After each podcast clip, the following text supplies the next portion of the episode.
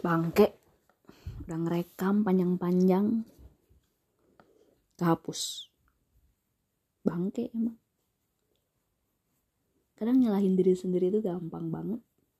Ngerusak mental diri sendiri itu gampang banget sebenarnya. Permalukan diri sendiri depan umum aja udah kena mental. Apa sih definisi kena mental? Dikit-dikit kena mental dikit-dikit kena mental padahal nggak kena juga tuh mentalnya. Apa sih? Ngomongin soal mental mental itu tangan tengahnya yang dilipat tinggal nyisa jempol telunjuk sama kelingking. Namanya mental. Hmm garing. Kepikiran kepikiran buat cari bahan lucu-lucuan di podcast tapi ngomong sendirian itu kayak orang gila. Uh, apa ya? Kayak belajar gila. Ngomong pakai handphone direkam lihat kaca ngomong sendiri kerung-kerung sendiri ngelawak-lawak sendiri. Hmm, aku bikin ini nih buat apa sih? Ya buat didengerin aja sih sama diri sendiri.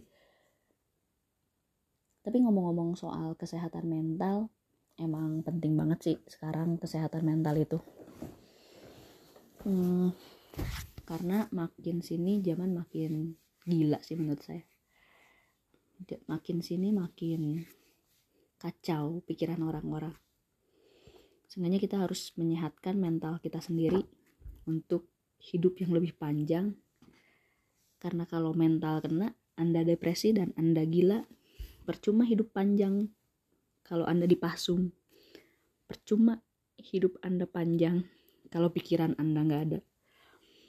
Punya otak, punya. Pikiran nggak ada kan gila juga. Sebenarnya yang pengen saya bahas di episode ini tuh adalah hmm, tentang mama saya.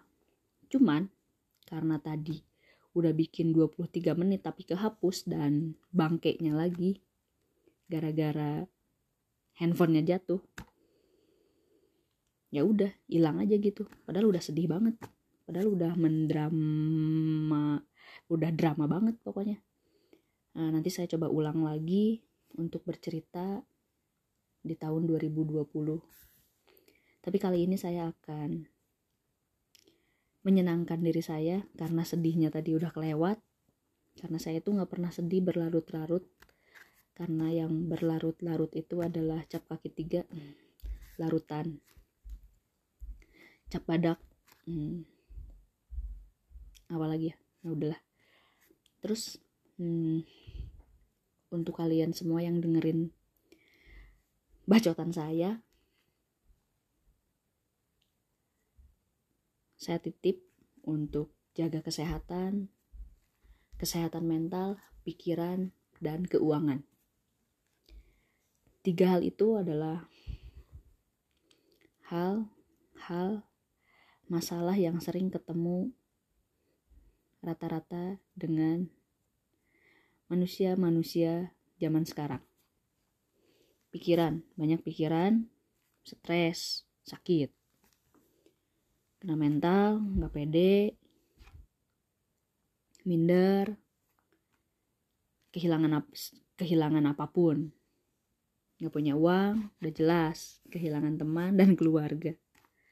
Maka perbanyaklah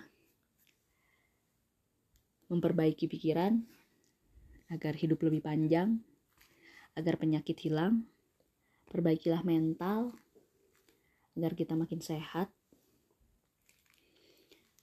Hmm, perbanyaklah uang biar teman kita dan saudara, dan saudara kita lebih banyak. Tiga lingkup itu tiga tiga tiga tiga masalah itu yang sebaiknya kita kita perbaiki di tahun 2022 2023 mungkin lebih lebih berat lagi 2024 saya nggak tahu saya masih ada atau enggak. Bahkan 2022 saya nggak tahu sampai Desember atau sampai tahun baru berikutnya bahkan sampai Lebaran juga saya nggak tahu. Lakukan saja yang terbaik. 5 menit ini lakukan yang terbaik dan kalaupun saya lupa tidak melakukan yang terbaik ya itu terserah saya. Kalau saya males-malesan ya emang gitu. Cuman bacot aja Ria. Hmm, aku tuh nggak ingin jadi motivasi nggak ingin jadi motivator. Aku tuh sebenarnya demotivasi. Yang menghancurkan motivasi orang. Enggak juga sih. Saya itu adalah penikmat motivasi dan demotivasi. Kadang saya dengar motivasi dari motivator saya juga dengerin demotivasi dari demotivator. Ketika disatuin saya termotivasi dan saya juga dijatuhkan. Tapi kalian tahu gak sih apa yang saya omongin? Nggak tahu kan? Karena saya juga nggak tahu karena tanpa skrip. Asal ngomong aja yang penting ada konten. Bukan bukat bukan buat nyari adsense tapi ya kenang-kenangan aja. Syukur-syukur ada adsense. Ya karena ini bukan Spotify eksklusif bukan podcast eksklusif juga eks eksklusif juga. Nah, tapi ya lakukan aja lah.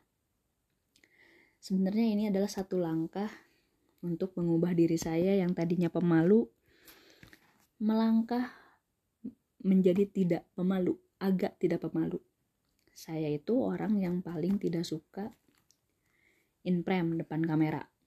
Saya itu orang yang males banget lihat badan sendiri di kamera. Sebenarnya ngerekam suara juga saya males.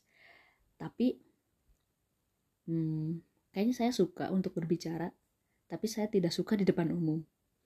Paling orang-orang yang bisa nyambung dengan saya ketika saya bisa bercanda ketika saya bisa berbicara benar berbicara hmm, senyambung itu karena orang-orang deket sama saya saja. Saya tidak bisa basa-basi di depan orang yang tidak kenal sama saya sekali. Tidak saya kenal Lin sama sekali. Bahkan untuk senyum pun mungkin saya tidak. Hmm, paling ngangguk doang. Gitu, ngangguk-ngangguk gitu. Guk ngangguk-ngangguk. Enggak, enggak, enggak ngangguk. Hmm, tahulah. Ya, itulah kelemahan saya saya bisa berbagi, saya bisa bercerita tuh dengan orang-orang yang saya tahu saja, yang bisa saya kenal. Dia kenal saya, saya kenal dia. Nggak tiba-tiba itu orang nggak tahu sama nggak tahu saya. Tiba-tiba saya nyaman, nggak bisa saya seperti itu. Hmm, dengan siapa pun, bahkan dengan atasan pun sekalian. Hmm, ya atasan kemeja lah maksudnya. Mungkin saya agak berjarak dan mungkin saya lebih pendiam. Diamnya saya itu bukan karena saya males tapi saya hmm, melihat karakter si orang ini. Kalau misalnya nggak masuk dalam uh, obrolan saya atau bercandaan saya biasanya saya menarik diri untuk tidak bergabung dengan kelompok itu. Tidak bergabung dengan obrolan manusia-manusia itu. Hmm, bukannya karena saya pilih-pilih teman tapi saya takut mereka tersinggung sama saya, bercandaan saya karena saya takut saya tersinggung dengan dia. Banyak takutnya juga karena hmm, bersosialisasi itu ada ilmunya juga sebenarnya. Nggak asal bersosialisasi, tapi kita harus beradaptasi juga. Kita harus mengenali sekeliling kita, kita harus mengenali tempat kita berada di kayak apa, orang-orangnya kayak gimana, eh, karakternya kayak gimana. Hmm, kita tidak bisa menganalisa satu hari saja. Tapi kita butuh beberapa hari. Mungkin saja pertama kita ketemu nih ya sama orang asing mungkin saja dia sedang bete atau dia sedang hmm, ada masalah dengan pacarnya mungkin dia hari itu menyebalkan untuk saya. Hari berikutnya kalau masih bisa eh kalau misalnya masih menyebalkan ya mungkin karakter dia itu emang menyebalkan. Tapi kalau misalnya hari keduanya dia baik dia nyapa dia senyum dia ya ngobrol baik dengan saya saya bisa welcome dengan pertemanan ini gitu. Ada interaksi antara aku dan dia aja tapi kalau misalnya karakternya saya nggak bisa masuk kadang saya bisa menarik diri dari situ kadang saya mencari lagi uh, pertemanan yang nyaman. Kadang saya juga berpikir uh, saya tidak cocok dengan dengan semua orang tapi saya berusaha untuk uh, diterima di lingkungan seperti apa pun gitu. Kadang saya bisa uh, baik kadang saya juga bisa jahat. Contohnya saya bisa baik dalam golongan orang-orang baik gitu. Saya bisa jahat bagi orang-orang yang melihat lingkungan saya jahat oh dia lingkungannya seperti ini oh dia jahat karena lingkungannya tapi saya akan tetap baik walaupun di lingkungan yang jahat. Saya akan lebih baik di lingkungan yang lebih baik. Saya akan belajar lebih baik di lingkungan yang baik. Jadi di mana pun tempat saya, di mana pun siapa pun orang-orang yang berbicara dengan saya, berinteraksi dengan saya, saya berusaha mencoba lebih baik. Urusan dia menerima atau tidak, yaitu terserah mereka. Tapi cara mengamati lingkungan itu adalah lihat saja beberapa hari, beberapa minggu, cara mereka berinteraksi, cara mereka menerima teman, cara mereka uh, berkomunikasi. Ya, kita ikutin aja. Kita ikutin aja. Kalau misalnya kita tidak terlalu nyaman-nyaman banget ya, seenggaknya kita menghargai tempat itu kayak gitu walaupun kita di tempat yang buruk sekalipun kita coba mengimbangi tapi tidak terjerumus dalam keadaan yang tidak baik juga tapi kita harus independen kita ada di lingkungan yang tidak baik tidak apa-apa yang penting kita tetap jadi baik itu kita di lingkungan yang tidak baik juga tidak apa-apa yang penting diri kita masih tetap baik baik itu bukan pandangan orang lain tapi baik itu adalah menurut kita sendiri. Baik untuk diri kita sendiri, bukan untuk orang lain. Dianggap egois juga tidak apa-apa. Menurut saya. Karena baik buruknya seseorang itu bukan penilaian dia mereka. Tapi penilaian kita sendiri dan Tuhan. Yang penting kita melakukan interaksi dengan baik, saling menghormati, saling menghargai, dan menghormati kebiasaan-kebiasaan atau adat-adat yang ada di situ. Wais, mulai berat bahas adat. Ya, kadang eh, tidak bisa egois juga ya. Kadang kita ditempatkan di tempat baru, kadang kita ketemu dengan orang baru. Ya, di masa-masa transisi itu kita merasa tidak nyaman sebenarnya, tapi kita di situ belajar mengamati bagaimana mencari teman baru, bagaimana beradaptasi di tempat baru, bagaimana cara menghargai yang sudah-sudah ada aturan di tempat itu. Sebenarnya gitu aja sih. Jadi kita nggak bisa egois karena diri sikap kita tuh kayak gini di tempat yang dulu saya gini gitu.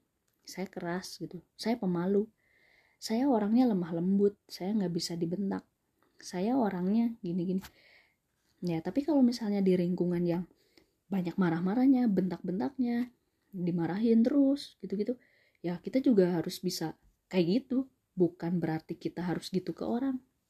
Tapi kita harus bisa menerima dalam keadaan apa pun gimana pun keadaan ruangan itu tempat itu orang-orang itu gitu ya. Itu sih kayak ilmu beradaptasi sih. Karena lingkungan sosial itu sosial kita itu kita itu ya makhluk sosial lah ya. Kita itu makhluk sosial yang tidak bisa dilepaskan dari bantuan orang lain. Kita tidak bisa hidup sendiri. Kita perlu orang lain orang lain perlu kita. Ya hidup sesama manusia hidup sesama makhluk kita juga perlu tumbuhan kita juga perlu hewan kita juga perlu apa pun Tuhan itu sudah menciptakan ya intinya kita bersyukur aja gitu di mana pun tempatnya gitu. Yang penting kita bisa beradaptasi kita bisa belajar kita bela kita bisa mengamati. Yang penting kita nggak jahat sama orang. Uh, yang penting eh tapi sebodoh-bodoh amatnya orang bodoh amat tapi kepikiran juga loh. Saya termasuk orang yang paling bodoh amat ternyata bodoh amat saya itu salah. Bodoh amatnya itu bukan dalam perilaku. Saya itu adalah amat bodoh dalam pikiran. Bodoh banget. Amat bodoh sama bodoh banget tuh beda ya. Saya tuh bodoh banget. Saya bisa mengira orang itu baik semua. Dulu saya mengira orang-orang itu baik semua pikirannya sama kayak saya. Um, tulus ya ngasih tahu ngasih tahu. Tapi mereka itu kadang orang yang kita dipertemukan dengan orang jahat itu agar kita mencontohkan menjadi lebih baik kepada mereka. Gitu. Kita dipertemukan dengan orang baik orang baik lebih baik daripada kita kita banyak belajar dari dia. Jadi intinya setiap ketemu setiap di mana kita tempat setiap di mana kita berinteraksi di situ kita tempat belajar kita mengosongkan gelas mengosongkan pikiran. Kadang saya pikirannya nggak dibawa. Semua orang saya anggap baik. Udah gitu saya sendiri yang rugi. Nah, habis dari situ pengalaman-pengalaman pengalaman-pengalaman yang saya lewatin ketika pelajaran-pelajaran hidup makin dewasa makin banyak masalah-masalah makin banyak hmm, ternyata orang itu sifatnya beda-beda. Pikiran orang-orang itu nggak bisa kita tebak. Hati orang apalagi hati orang tuh nggak bisa ditebak sama sekali. Pikiran orang juga hmm, banyak banget. Pokoknya pribadi orang itu sulit banget. Belajar kepribadian seseorang itu sulit banget karena saya bukan psikolog saya bukan uh, saya bukan dokternya manusia. Dokter mentalnya manusia saya bukan. Hmm, tapi banyak belajar juga karena sering ketemu banyak orang. Akhirnya tahu sih karakter karakter beda-beda karakter itu. Saya tahu saya coba mulai memahami. Dari situ banyak belajar dari situ mulai banyak mm, berpikir mulai mengerem uh, apa yang perlu diceritain atau enggak diceritain mulai mulai menahan diri lah terhadap lingkungan sekitar. Saya hanya terbuka dengan orang-orang yang bisa terbuka dengan saya sejalan pikirannya ya mungkin gitulah. Hmm, selebihnya itu kehidupan saya 90 enggak 90 sih 75 persennya itu bercanda 25 persennya itu mungkin serius. Tapi dengan orang-orang tertentu bahkan hal yang serius pun saya tidak bisa pasti saya bercandain. Uh, banyak hal yang lucu terhadap saya. Hidup itu hidup itu banyak lucunya sebenarnya. Kalau misalnya kita lawakin semua banyak tersinggungnya mereka. Diri saya juga. Pokoknya manusia itu hmm, kaum yang serba salah. Sebenarnya. Kayak saya ngapain coba? Bikin kayak gini udah 18 menit 44 detik ngomongin nggak tahu apa yang saya omongin. Ngomongin manusia lain? Iya ngomongin manusia lain. Oh iya manusia itu tidak jauh dari masalah. Tidak jauh dari masalah. Sebenarnya masalah manusia itu bukan dibuat dari dirinya sendiri tapi masalah-masalah itu datang dari orang-orang sekitar masalah itu masalah yang tidak terduga itu masalah datang dari luar sebaiknya kita sebagai manusia meminimalisir kesalahan-kesalahan. Karena kesalahan yang lain yang datang dari orang lain yang tidak terduga, kita harus siap. Gitu. 19 menit berlalu, obrolan saya makin ngelantur, uh, suara saya makin jelek banget. Terima kasih dan sampai jumpa. Selamat malam Indonesia, selamat malam pendengar setia, selamat malam semua yang berantusias mendengarkan podcast saya. Terima kasih ya apresi apresiasi kalian karena membuang-buang waktu untuk beberapa menit ke depan. Terima kasih untuk atensinya.